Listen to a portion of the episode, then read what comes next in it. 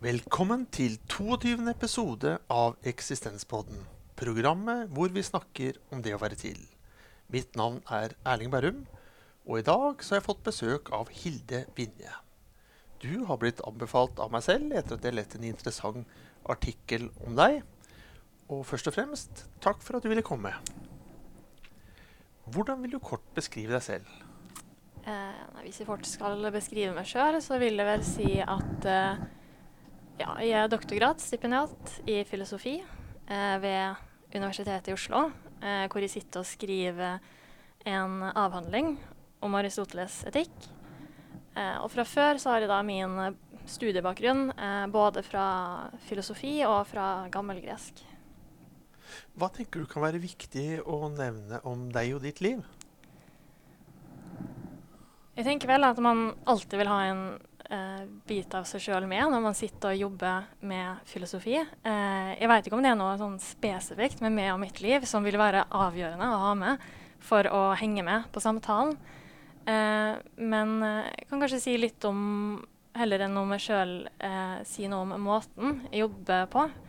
For jeg sitter og jobber med eh, som sagt Aristoteles, gresk filosofi. det er filosofihistorie. Eh, det er ganske gamle tekster, nesten 2400 år gamle. Eh, og når jeg sitter og jobber med det, så sitter jeg og jobber med hva, eh, hva Aristoteles mente om ulike eh, ting innenfor etikk. Og man kan jo lett se for seg at det her kunne handle om å ja, bare finne ut hva Aristoteles mente om den ene lille tingen. Og til en viss grad så er jo det sant.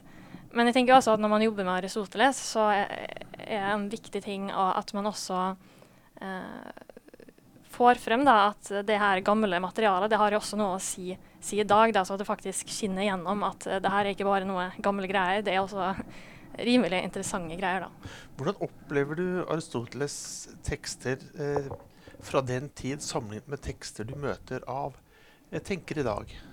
De er jo selvfølgelig annerledes.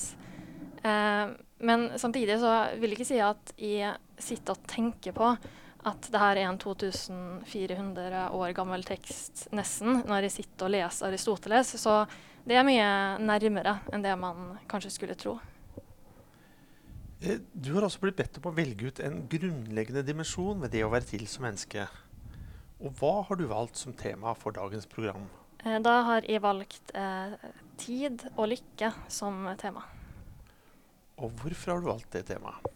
Jeg har valgt det temaet fordi eh, det er velegna til å få frem noen eh, aspekter ved eh, gresk tenkning som ikke er så naturlig å tenke på i dag når man snakker om lykke.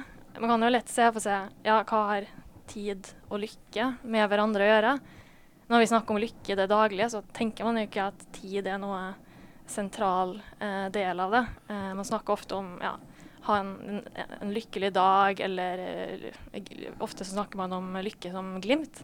Ja, jeg kan bekrefte det her og nå. At uh, med en gang du sier tid og lykke, så syns jeg det er en spennende kombinasjon. For det, det er ikke det jeg umiddelbart tenker på. Så det er absolutt interessant å høre om sammenhengen her. Ja, så, mens i antikken så har man jo både hos Aristoteles og andre tenkere um, en forskjell da, når man snakker om lykke, og det er at lykke det er noe som eh, tar tid. Eh, det er noe som reflekterer et liv som en slags helhet. Og eh, det er ikke slik at hvis livet svinger eh, fra å være godt og dårlig til en annen dag, så vil man ikke si at man er lykkelig den ene dagen og så ulykkelig den neste. Da er man rett og slett ikke lykkelig i det hele tatt. Eh, det lykkelige livet det er et liv som har en viss stabilitet, eh, og det tar da tid, da. Ja, for da man bruker ofte liksom lykkelige øyeblikk. Men det blir kanskje litt sånn uh, galt da, sammenlignet med den tenkningen til Aristoteles. Ja, uh, man har jo et ganske kjent ordtak. Én uh, svale gjør ingen sommer. Og det her finner man jo hos Aristoteles. Og Aristoteles skriver én svale gjør ingen sommer, og heller ikke én dag. På samme måte gjør én dag eller en kort tid ingen velsigna eller lykkelig. Så å bli lykkelig, det er noe som tar lang tid. Kan, kan, man se på den lykke som du snakker om, nesten som en grunnstemning i en selv som menneske? At du har en lykkelig grunnstemning? kanskje til en uh, viss grad, men jeg tror nok at Aristoteles ville svart at uh, heller enn å være ei stemning, så er lykke det er en aktivitet. Altså når man gjør noe, og man gjør det på en bra måte, så vil man også være eh, lykkelig. Men det tar likevel lang tid da, før man kommer til det punktet i, i et liv hvor man med sikkerhet kan si at man er lykkelig. og en, en, grunn til det er jo at når Aristoteles eh, påpeker at én eh, dag ikke er nok for å bli lykkelig, så er jo grunnen til det at eh, man trenger det Aristoteles eh, omtaler som et eh, eh, perfekt eller fullstendig eller helt virkeliggjort liv. så man må ha et fullstendig liv for å bli lykkelig. Men det er da altså ikke helt klart nøyaktig hva som gjør et liv fullstendig. Så her er det veldig mye ulike tolkninger ute og går, og man må jo til en viss grad fylle inn sjøl når man leser Aristoteles. Men når du sier at uh, det er ikke nødvendigvis uh, lykke er ikke nødvendigvis en stemning, men noe man gjør mm -hmm. Med en gang så gledes jeg på innsiden, for da tenker jeg jøss, så fint. hva slags handlinger er vi snakker om, eller hva er det jeg kan gjøre da for å bli mer lykkelig hvis jeg ikke er så lykkelig i dag? Måten man skal være aktiv på, er jo Man har jo det Aristoteles eh, omtaler som dyda, dyder. Man kan kanskje si at eh, det er sånn stabile karaktertrekk, eh, som jo også tar lang tid å, å utvikle. Eh, og konkrete eksempler på dyder, det er jo f.eks. mot, eh, måtehold, visdom. og det her er jo noe man må lære seg, rett og slett. Uh, og på en måte så kan man jo si at eh, selvfølgelig tar det lang tid å bli lykkelig når man skal utvikle dyder. Det er jo ikke gjort på én dag. Og særlig det å få praktisk visdom, det er jo noe som tar lang tid. Um, ifølge Aristoteles så kan man jo se for seg at uh, unge folk de kan ha uh, ekstremt talent i fag som matematikk og geometri, men de kan ikke ha uh, talent i, i, visdom eller klokskap, for det er noe som eh, rett og slett eh, krever erfaring. Men hvis du kan gå inn på dyden mot, da. Jeg tenker det Sannsynligvis snakker ikke Aristoteles om mot i betydningen det å være modig, nødvendigvis Han ute på slagfelten eller kanskje idrett og sånt. Det må jo være også f.eks. være modig til å kunne si nei da, i en sosial situasjon. Eh, stemmer det? Inkluderer liksom hans begrep om mot også det å være modig i sosiale kontekster? Eh, dessverre gjør det ikke det.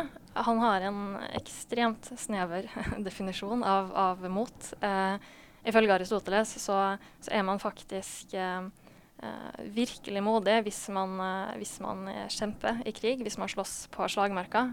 Man kan jo si at det er noe som i stor grad er prega av hans historiske omstendigheter. Men det han da legger vekt på, er da at i en sånn situasjon så utsetter man seg sjøl for en risiko. Man kan jo miste både liv og lemmer. Men samtidig så er det så viktig da, at hvis det her skal telles som mot i en sånn situasjon, så må det også være Man må ha mulighet til å faktisk eh, eh, kjempe seg ut av det. Eh, så man skal være eh, Man skal tørre å gjøre noe, men man skal ikke være dumdristig. Uh, skal, men samtidig så er det også grunn til å frykte noe, fordi det her er en situasjon hvor, uh, hvor, det er så mye som står på spill. Så man skal jo ha veldig gode grunner for å utvise mot når, når mot faktisk innebærer å, å slåss i krig. så en del av dyden er å skjønne i hvilke situasjoner det vil være riktig å utsette seg for noe sånt. Hadde Aristoteles noen refleksjoner om eget mot? Jeg lurer på, var han på slagmarken? Eh, generelt så har jo ikke Aristoteles eh, så mange refleksjoner om sitt eget liv. Eh, men det kan jo være verdt å nevne at eh, sønnen hans eh, var jo det. Han døde i, i, krig. Uh, og ja, man har jo den mest kjente etikken av Aristoteles, den nikomakiske etikk. og så er det, vet jo både hans far og hans sønn heter jo Nikomakos, Eh, så det er litt sånn uklart hvem da, den nikomakiske etikk eh, har fått eh, navn etter. Eh, hvis vi tenker på første verdenskrig og den stillingskrigen der, hvor man lå i skyttergraver og så kom en fanfare eller en eh, ordre fra nærmeste befal opp og gå i krig og la oss vinne en meter til. Det var en ganske sånn meningsløs krig, og muligheten for å komme ut av den eh, var jo ikke så særlig stor da, hvis du først var i de skyttergravene. Mange av de ble jo drept. Vil du si at det var en situasjon hvor det var mot å bare løpe opp på volden og bli skutt? Uh, nei, det ville ikke være Eller uh, uh, saken er også den at den personen, som gitt at man allerede har levd lenge nok til å bli lykkelig, i sånn aristotelisk forstand, så er jo den personen som da blir konfrontert med det valget skal man kjempe eller ikke, selvfølgelig glad i sitt eget liv. For den personen som er lykkelig, har jo faktisk det aller eh, beste man kan håpe på i livet, og det er jo lykke. Så det er ikke noe man vil sette på spill for ingenting. Og hvis man ser at det er håpløst, så vil det ikke være klokt å, å kaste seg ut i det. Så det er ikke enhver situasjon da man, eh, man, kan tenke at det er verdt å gjøre det. Nei. Jeg vil nok tro at det er liksom litt sånn tidsavhengig òg, hva slags type tid og samfunn. Så jeg, jeg tenker at Aristoteles hadde vært enig med meg jeg, i at det å bli flinkere til å si nei i noen sosiale situasjoner er å vise mot.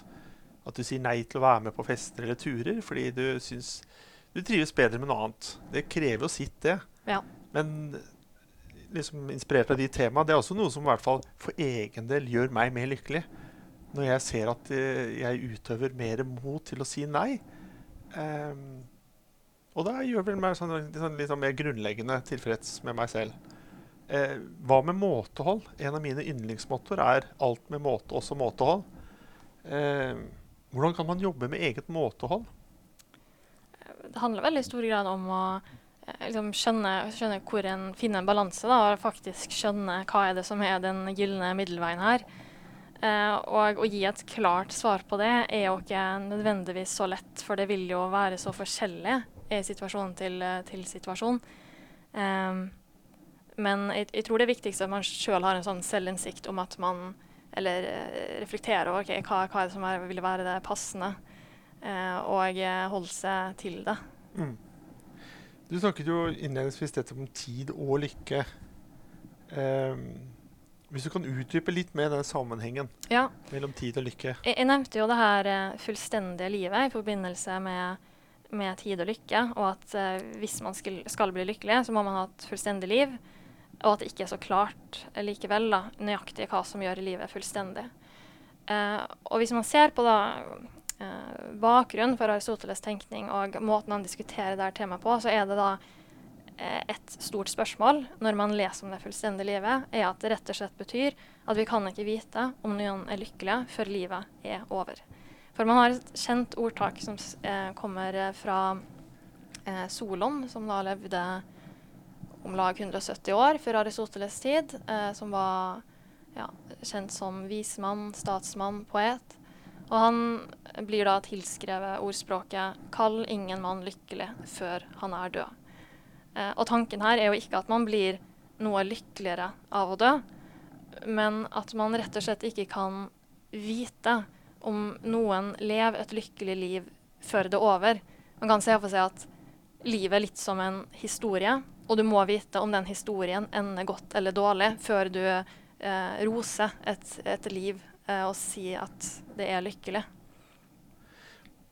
Jeg vil jo vise til eh, min mor, da, som jeg tror hun viste til Strindberg, og en karakter der i en av bøkene, jeg husker ikke helt hvilken, eh, som eh, er død, men som da skriver liksom fra dødens posisjon. da.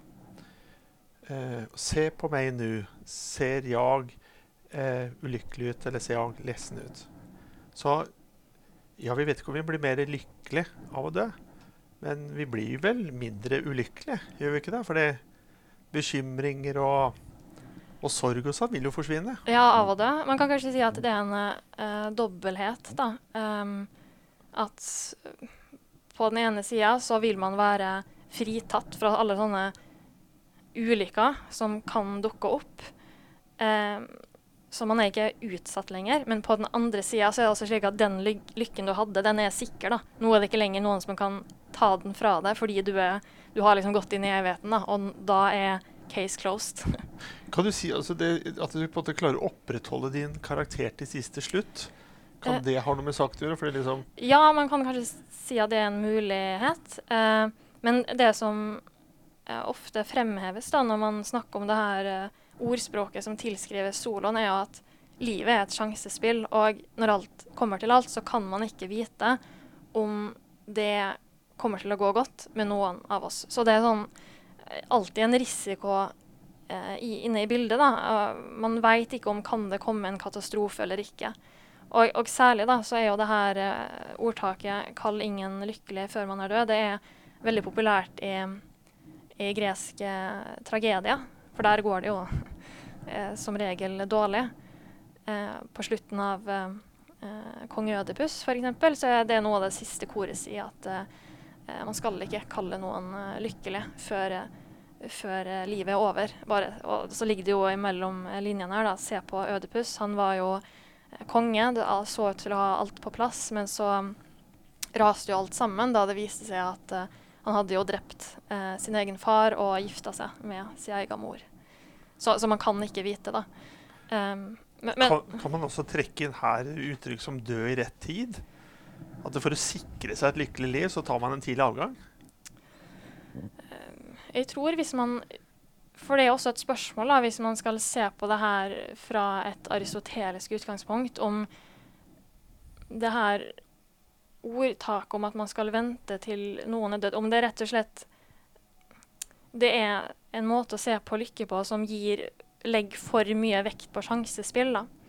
For hos Aristoteles så har man jo de her dydene, og de er jo som sagt eh, stabile eh, karaktertrekk. Så det er ikke slik at det vil svinge fra en dag til en annen.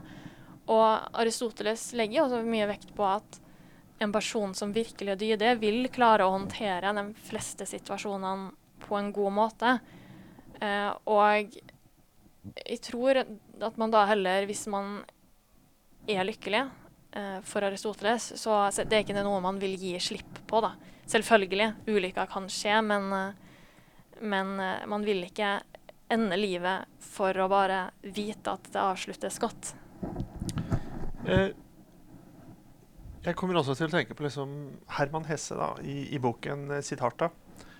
Eh, der beskriver han også dette her med at uh, du har ikke levd før du på en måte har levd alle livets aldre.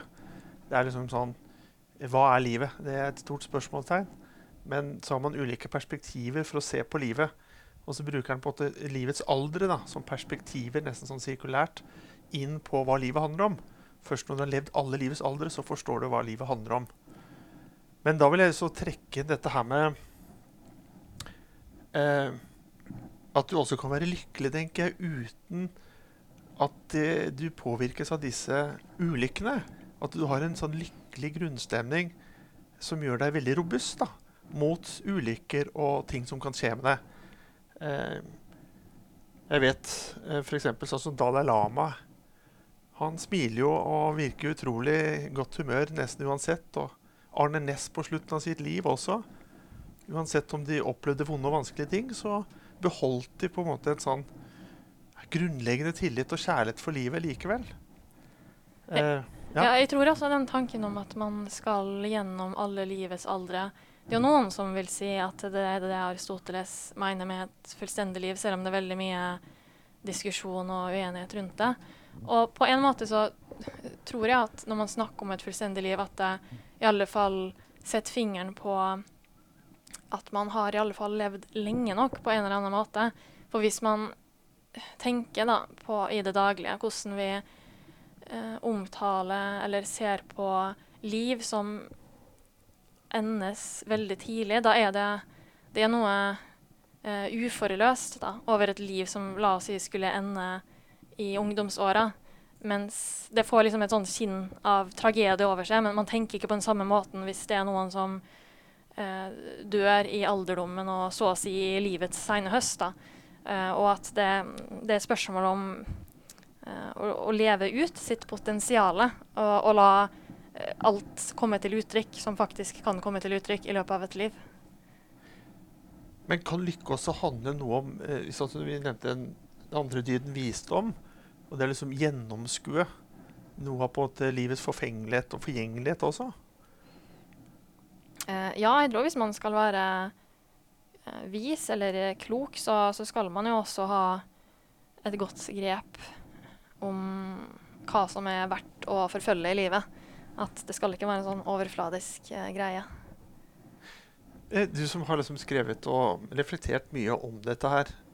Eh, jeg, hvis vi skal ha tanken på to sånne livstilstander, da, og, og, bruke litt sånn poker, pokerbegreper Eh, der har du et begrep som heter all in. Og så har jeg lagt til for egen del og så kan du også en annen variant, og det er all out. At du trekker deg helt ut. Og hvor all in så går du fullt og helt inn i materien og livet, for å si det sånn. Mens på all out så trekker du deg veldig på avstand og har sånn mer eh, abstrakt tilnærming til, til, livet. Hva tenker du vil gi et bedre, bedre lykkelig liv? All in eller all out? Uh, jeg syns egentlig det er en veldig fin uh, illustrasjon, fordi uh, hos Aristoteles så er det et sånn stort eh, tolkningsspørsmål hva som hva som er den lykkeligste måten å leve på. Eh, I utgangspunktet så ser det jo ut som om det politiske eller sånn praktisk liv, den praktiske dyder, eh, er, er, det lykkeligste. Men så er det også eh, mot slutten av hans hovedverk så ser det ut til at han mener at det teoretiske livet er, er det beste. Så, så, kan man spørre seg hva, hva, er det beste? Er det å trekke seg tilbake og sitte og kontemplere over sånne abstrakte problemstillinger? Tenke på iallfall det han mente var filosofi. Eller er det å være liksom, ute i samfunnet og være aktiv og omgås eh, sine medmennesker? da? Eh, og hvis vi liksom skal velge mellom de to livene, eh, så, så, vil man jo si at Eller det, det er to ulike eh, måter å leve på. Det er en levevei, rett og slett, eh, som det handler om uh, når man skal velge da, mellom de her to livene. så ser man at det handler om å strukturere livet sitt på en bestemt måte ut ifra et bestemt mål. og hvis man skal se på hva Aristoteles skriver på siste side, så kan man jo tenke at ok, da er det det teoretiske livet som er best. men så kommer det jo altså spørsmålet inn her. da, ja, Selv om Aristoteles skrev det, er det det? Hva, hva tenker vi om det? Eh, personlig så heller jeg mer mot en sånn mellomløsning. Eh, jeg prøver å liksom la meg inspirere andre livsprinsipper eller prosesser. Eh, som f.eks. det å puste. Vi puster inn, og vi puster ut. Så jeg trenger å finne gode balanser. Jeg, med å, at noen ganger så går vi all in, og noen ganger så går vi all out. Ja. Og så prøver vi å finne gode balanser. så så lever vi som vi puster. da. Det er for å prøve å finne en, et mellompunkt. Eh, du har jo liksom vært opptatt av tid og lykke og et fullverdig liv. Eh, hvis du kan si litt om hvordan har du kunnet latt deg inspirere av det i forhold til ditt egentlig? For Har du tatt noen egne grep basert på det du har, har blitt klokere på? Jeg tror i hvert fall man, eh, når man jobber med sånne her antikke så blir man, man begynner å se ting på en annen måte. Heller enn å tenke at eh, lykke skal være en sånn følelse, at du skal være høyt oppe, av en sånn intens lykkerus eller noe sånt. At det er mer en stabilitet. At man tenker på et liv som, som en eh, helhet. Eh, at man kanskje heller tenker snarere på, på, en sånn lykkefølelse. At man tenker på lykke mer som et livsprosjekt, og at man har sine prosjekter å forfølge og jeg går etter det. ja. Vi har snakket litt om, om, om mot, da, eller klokt mot, eh, etter at du nyanserte det, og måtehold og visdom. Er det noen andre på måte, dyder du vil trekke fram som kan være viktige for å over tid utvikle seg og skape en, en god lykke? Jeg tror heller enn å fokusere på dydene, eh, så kan du kanskje gå tilbake til det her behovet for tid da, og det fullstendige livet. Eh, og som sagt så er det mange svar her, men hvis jeg skal komme med mitt eget forslag, så tror jeg at et uh, fullstendig liv det er knytta til å ha visse sånn ytre goder i livet. Dvs. Si goder i livet som ikke er dyd. Og en av de godene man da trenger, det er jo uh, vennskap. Uh, vennskap, i alle fall i en sånn sann og ekte form, det er jo noe som trenger lang tid for å oppnås. For et sant vennskap det preges jo av stabilitet og av tillit, og det er ikke noe du får på én dag. Eh, så det er noe som trenger lang tid for, å, for å utfolde seg. Det er interessant du sier. Eh, flere av mine gode vennskap de strekker seg over tid. da. Eh, og noe av den la oss si, gode følelsen, lykkefølelsen jeg får å være sammen med gamle, gode venner, eh, den er veldig vanskelig å sette ord på. Men eh, det nærmeste jeg kommer, er sånn, eh, en opplevelse av tidløshet, faktisk. Så jeg vet ikke sammenhengen der, at du har liksom hatt så mye tid at du klarer nesten å frigjøre deg litt fra tiden. Eller som om tiden sto stille. Det er et eller annet med relasjon som blir sånn veldig stabilt og godt. da. Det kan kanskje illustrere at uh, ja, hvis man sier da, at du er lykkelig, da, i det øyeblikket at det har tatt lang tid å komme dit, men når du først er der, så trenger du liksom ikke lang tid for å bare være lykkelig eller være aktiv på den måten. Så tid, i alle fall for vennskap, det blir den ultimate testen. da, fordi hvis det vennskapet bare går over etter kort tid, ja, da var det ikke sånn fullkomment vennskap da, når alt kommer til alt. Og man kan jo ha ulike typer vennskap. Det anerkjenner jo også Aristoteles, men det her eh, perfekte eller fullstendige eh, vennskapet, det tar veldig lang tid å oppnå. Vi kaller jo, vi kaller jo dette programmet for Eksistenspodden. da. Og da vil jeg gjerne som tillate meg å filosofere litt ut ifra Du snakker om tid og lykke, og legge inn en annen stor sånn, filosofisk dimensjon som tid og rom jeg opplever også det som en sånn viktig forutsetning for å uh, utvikle et vennskap. For du kan ha veldig mye tid med et menneske, men hvis det bare er liksom samme sted, samme situasjon, så får det ikke uh, godt nok fundament, av forankring. At du trenger å bevege deg i ulike rom over tid for at du skal få noe av den samme. Opplever jeg, da. Har du noen kommentarer til det? Jeg tror kanskje man kan uh, trekke den linja at en grunn til at man trenger tid når det kommer til vennskap, er at man skal møte hverandre i ulike situasjoner. For det er jo faktisk da man blir eh, kjent med, med, den andre og ser den andre personen fra nye sider. Eh, og eh, i ytterste instans er det kanskje også slik man blir kjent med seg sjøl også. Eh, I et eh, verk som tilskrives Aristoteles, sier han at eh, venner det, det, er som et speil. Da. Så når du er, er med din gode venn eller venner, så så eh, blir du på et vis også kjent med deg sjøl. Og det er jo fordi man, eh, man eh, gjør ting sammen, man reflekterer sammen, man snakker sammen, man spiser sine måltid sammen. Eh, så det er jo um, en dobbelthet her. Du trekker fram vennskap som et, eh, et viktig element i, i, et godt, lykkelig og fullverdig liv. Er, er det andre eh, dimensjoner som du vil trekke fram? jeg tror andre goder som jo er verdt å å nevne her, er å uh, si, eh, ære, eller kanskje respekt, som vi vil heller uh, si i dag. det er også viktig for et liv, eller at man lever i et oppegående eller ja, velfungerende samfunn. Og at man kanskje har et sånn minimum av, av ressurser. da. Inkluderer du her selvrespekt og respekt for omgivelser? og uh, ja, uh, eller i sånn aristotelisk kontekst så tenker man at uh, ære er jo Eller en person som Hvis man skal få ære eller anseelse i sånn i sann forstand, så må man faktisk være fortjent til det. da. Man kan jo selvfølgelig ha en ære i sånn overfladisk forstand hvor noen blir ære av uten at de nødvendigvis har gjort seg fortjent til det. Men det vil ikke være sånn ekte ære. da. Og den personen vil jo også respektere seg sjøl, så man må, vil liksom vite hvor mye man er verdt. Vi tiltrekkes jo gjerne av mennesker som setter sin ære i, uansett hva de gjør, men at de legger veldig mye i det de gjør, da. Ja.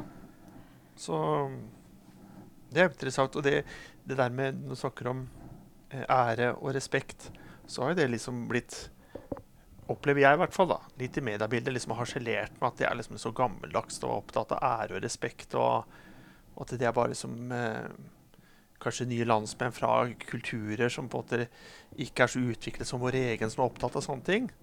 Men eh, jeg må nok si jeg deler både ditt og Aristoteles' synspunkt at dette er fortsatt viktig for oss. Og jeg tenker på eh, gode gamle indianerne, som var veldig opptatt av dette begrepet å ikke miste ansikt. Um, og det betyr mye mer enn det jeg tror vi snakker om eller tillegger av mening. I våre vurderinger og omtale av hverandre det er viktig å ivareta um, Å ta vare på hverandre på en slik måte at ingen mister ansikt. da.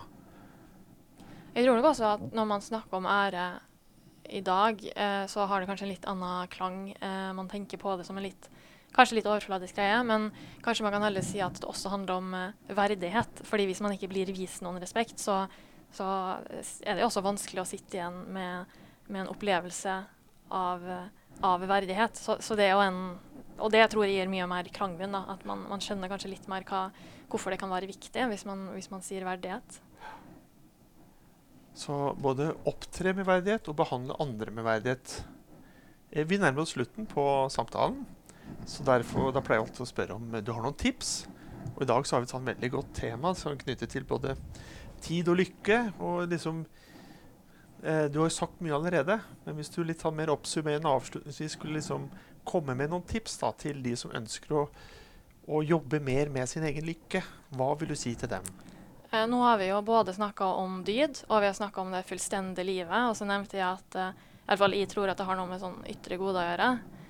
Og kanskje for å knytte det her sammen, da, så kan jeg jo si at eh, hvis man skal ha et fullstendig liv, altså et liv med visse ytre goder, så vil du alltid måtte eh, være dydig for å kunne ha et fullstendig liv. For eh, goder, noen goder kan du jo bruke på mange forskjellige måter. F.eks. Ja, velstand. Eh, kan bruke penger på en god og dårlig måte, men for at livet skal være fullstendig, så må man bruke det på en dydig måte. Og videre så er det også noen eh, goder som ja, f.eks. ære og vennskap, som vi har vært inne på, eh, som man ikke kan få i en sånn sann og fullkommen form hvis man ikke allerede er dydig. Så det, det er ikke sånn to separate ingredienser for å bli lykkelig, det er noe som hører sammen. Og så har du også vært inne på det med tid. Eh, vil du kunne skrive noe på uttrykk som at lykke tar tid? Eh, ja, det vil jeg si. Ja. Eh, det er altså slik at vi nå i Eksistenspodden har begynt å avslutte med noe fyndord eller livsmotto. Har du noen fyndord eller livsmotto som du er glad i, og som du kan dele med oss? Eh, jeg kan kanskje gi to. Jeg har allerede sagt det ene. Én svale gjør ingen sommer. Jeg tror det setter veldig godt fingeren på, på hva Aristoteles tenker om, om tid og lykke. Eh, samtidig kan man tenke at eh, det vi har snakka om nå, etterlater inntrykk av at uh, lykke det tar veldig lang tid å oppnå fordi man skal ha så mye. Så da vil jeg kanskje legge til uh, et sitat av uh, den danske filosofen og forfatteren Vilde Sørensen. Han sa en svale gjør ingen sommer, men den gjør hva den kan. Og jeg tenker at ja, det å ha ei dyd eller et gode i livet, selv om man ikke har alt, så har det da en, en genuin verdi. Da takker jeg for samtalen. Eh, takk også til deg som lytter for å ha fulgt oss denne halvtimen. Jeg minner også om vår Facebook-side, hvor du kan finne mange andre gode artikler og kronikker om det å være menneske. Vi høres igjen, og inntil da, ha det bedre enn bra.